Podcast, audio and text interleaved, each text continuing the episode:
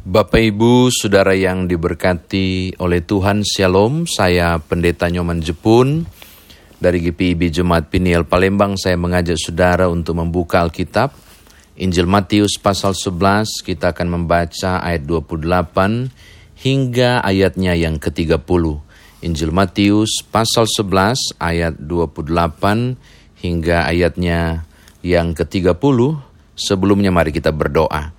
Bapa kami mau mendengarkan firman-Mu, tolonglah kami dengan hikmat Tuhan, agar mampu memahami kekayaan firman Tuhan ini, lalu kemudian mengerjakan dalam hidup beriman kami.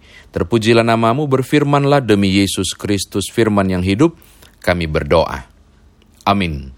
Injil Matius pasal 11 ayat 28 hingga ayat yang ke-30, firman Tuhan berbunyi demikian.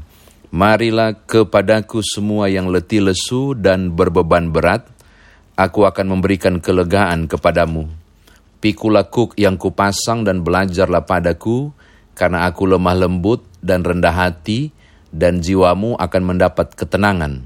Sebab kuk yang kupasang itu enak, dan bebanku pun ringan. Demikian firman Tuhan, saudara saya dikatakan berbahagia jika mendengarkan firman Tuhan ini, merenungkannya, memberitakannya, istimewa melakukan dalam hidup beriman kita.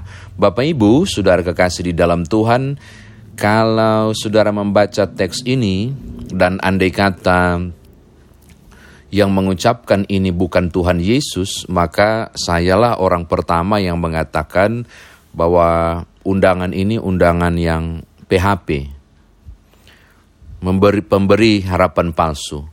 Mengapa saya menyampaikan hal itu? Kalau saudara memeriksanya, saudara pasti harusnya terkejut membaca teks ini secara bertahap. Jadi saya mau bilang, andai kata bukan Tuhan Yesus yang menyampaikan, ini kayaknya hanya memberi harapan palsu aja. Coba lihat ya, marilah kepadaku semua yang letih lesu dan berbeban berat. Saudara lihat, ada undangan yang diberikan kepada yang letih lesu dan berbeban berat. Ulangi, ada undangan yang diberikan kepada yang letih lesu dan berbeban berat.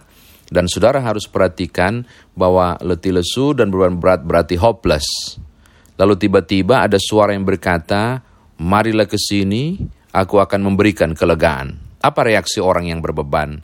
Sudah pasti ini berita baik, sudah pasti ini berita melegakan, karena bebanku akan diangkat dan aku akan mendapatkan kelegaan sesuai janjinya. Sampai di sini kita harusnya sepakat bahwa janji ini, undangan ini, undangan yang melegakan. Oke? Okay? Lalu kemudian orang yang diundang itu datang. Si hopeless ini, si letih lesu ini kemudian datang memenuhi undangan. Sekarang mari kita lihat apa yang terjadi ketika ia datang. Apakah bebannya diangkat? Apakah ia kemudian mendapatkan kelegaan sesuai janji Apakah kemudian dia mengalami keringanan sesuai janji ketika dia sedang memikul tergopo-gopo bebannya? Saya mau katakan kepada saudara, tidak.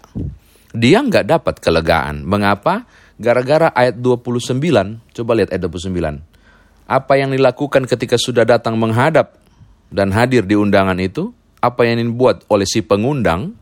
Dia bilang begini, Pikula kuk yang kupasang. Saudara tangkap?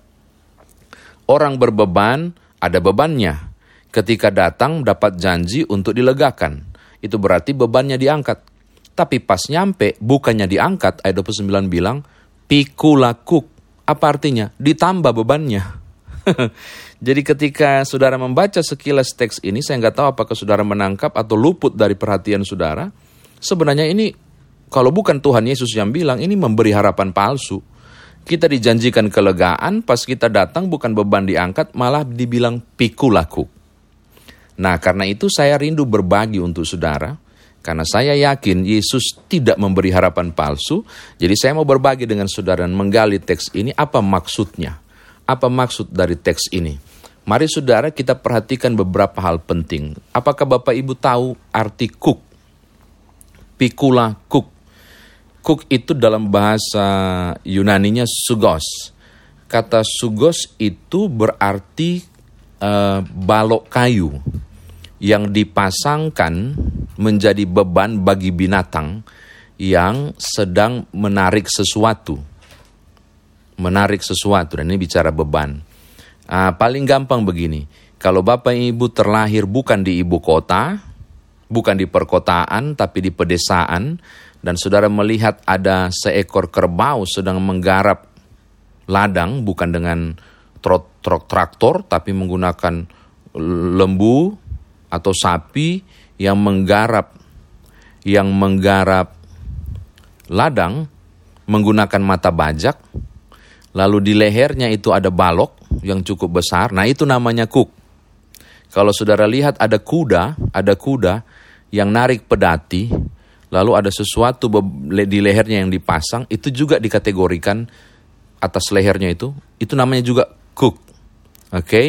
nah sekarang mari kita lihat dia selagi lagi berbeban, lagi berat naik na, narik pedati, lagi berat banget, lagi berat juga narik anu e, mata bajak, bukannya diangkat, dicabut mata bajaknya jadi ringan atau pedatinya dilepas, malah kemudian dibilang Yesus bilang pikulakuk. Benarkah ini PHP? Saudara harus periksa baik-baik teks ini. Saya mau katakan siapakah yang punya kuk ini?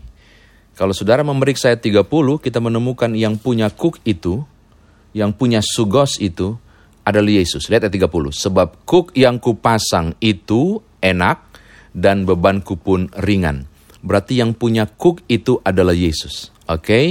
Nah sekarang mari perhatikan hal yang penting ini. Kalau ada dua orang yang kemudian, uh, dua kerbau yang kemudian mem, menarik mata bajak supaya cepat selesai, maka cara satu-satunya adalah menghubungkan dua kerbau itu. Dan untuk menghubungkan dua kerbau itu digunakanlah kuk yang panjang. Kuk yang satu diberikan kepada kerbau yang satu, kuk yang lain diberikan kepada kerbau yang lain. Lalu mereka berdua menarik mata bajak itu. Atau mereka berdua menarik pedati itu, kalau ada pedati.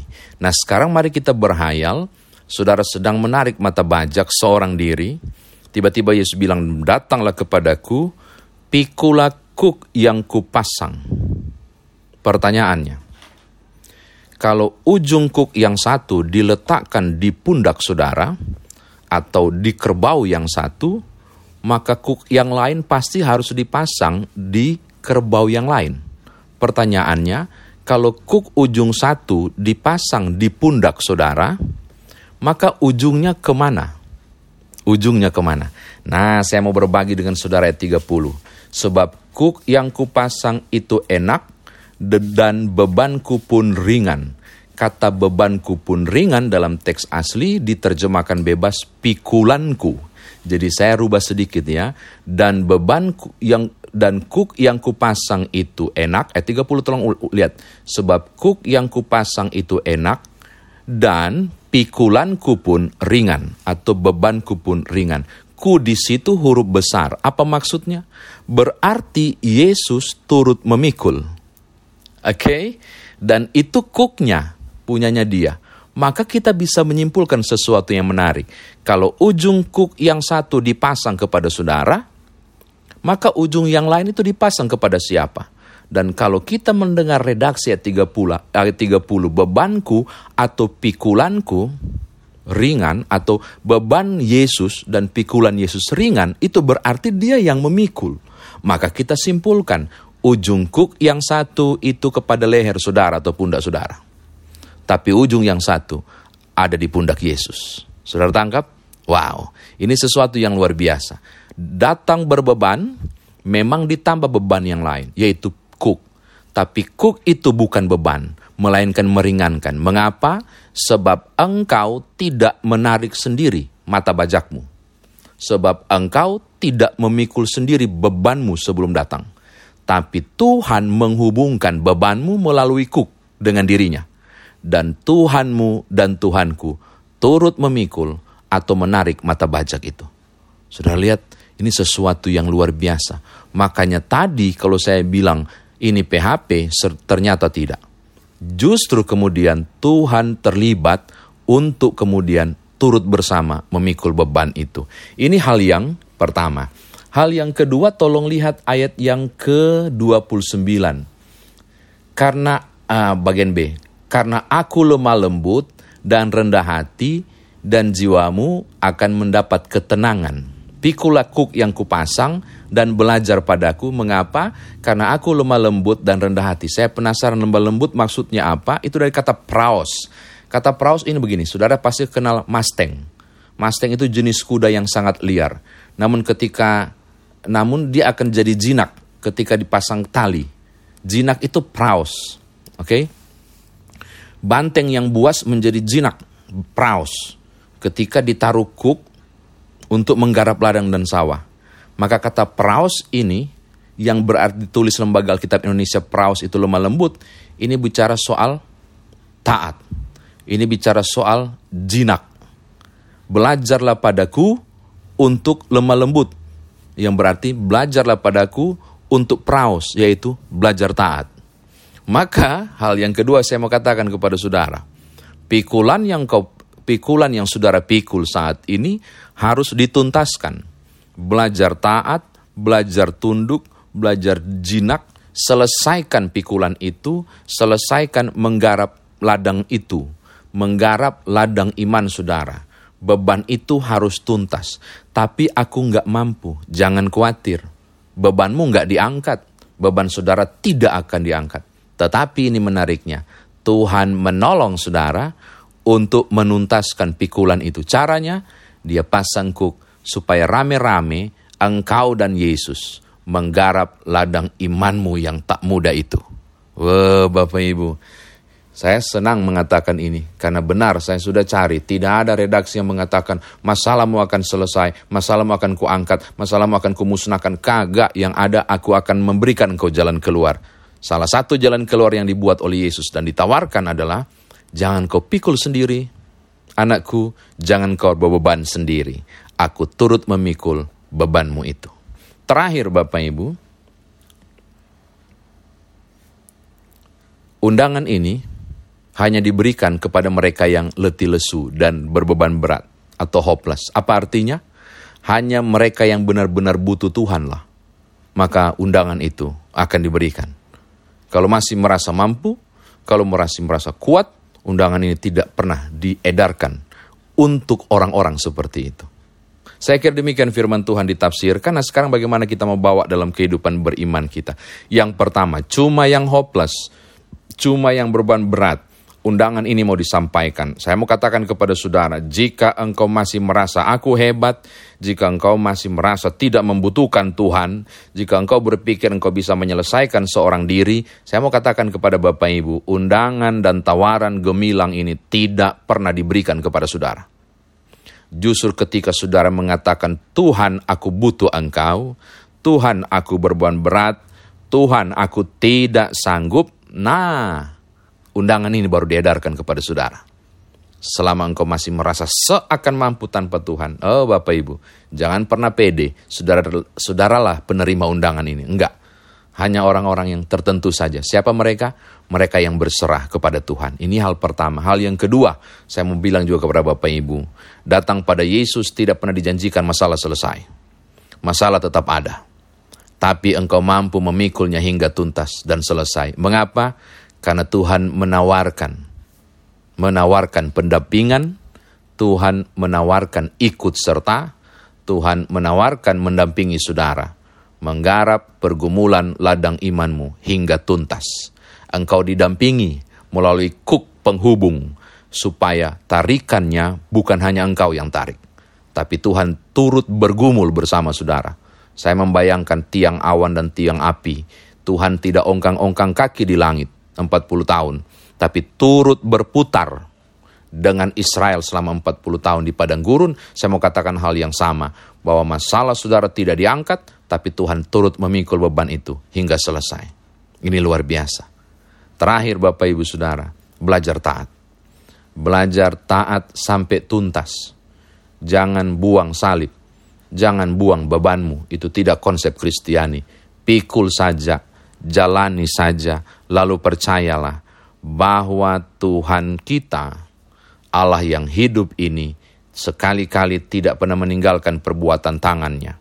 Dia akan menolong saudara dengan cara yang luar biasa. Memasang beban yang baru bukan sebagai beban, tapi bertujuan untuk meringankan. Ia mendampingi saudara hingga perjalanan itu tuntas. Maka selamat bergumul, selamat memikul beban saudara. Tapi percayalah, engkau tidak memikul sendiri. Engkau tidak jalan sendiri. Ada Tuhanmu yang turut berbeban. Ada Tuhanmu yang turut ambil bagian. Ia akan memampukan saudara di jalan yang tertatih sekalipun untuk menuntaskan saudara dan saya menggarap ladang pergumulan iman saudara hingga selesai. Dan suatu saat saudara akan terkategori sebagai pribadi pemenang yang menyelesaikan garapan hidup iman saudara. Tuhan memberkati Bapak Ibu. Haleluya. Amin. Mari berdoa, Bapak syukur untuk firman Tuhan yang sudah kami dengar, menjadi kekuatan bagi setiap kami untuk menjalani kehidupan yang tidak mudah ini Kiranya undangan ini engkau tujukan bagi kami, supaya kamilah yang Tuhan dampingi di titian yang tak mudah di perjalanan hidup masing-masing, hingga kami bersama Tuhan boleh menyelesaikan menggarap ladang iman pergumulan kami dan keluar sebagai pemenang. Demi Tuhan Yesus Juru Selamat, kami berdoa. Amin.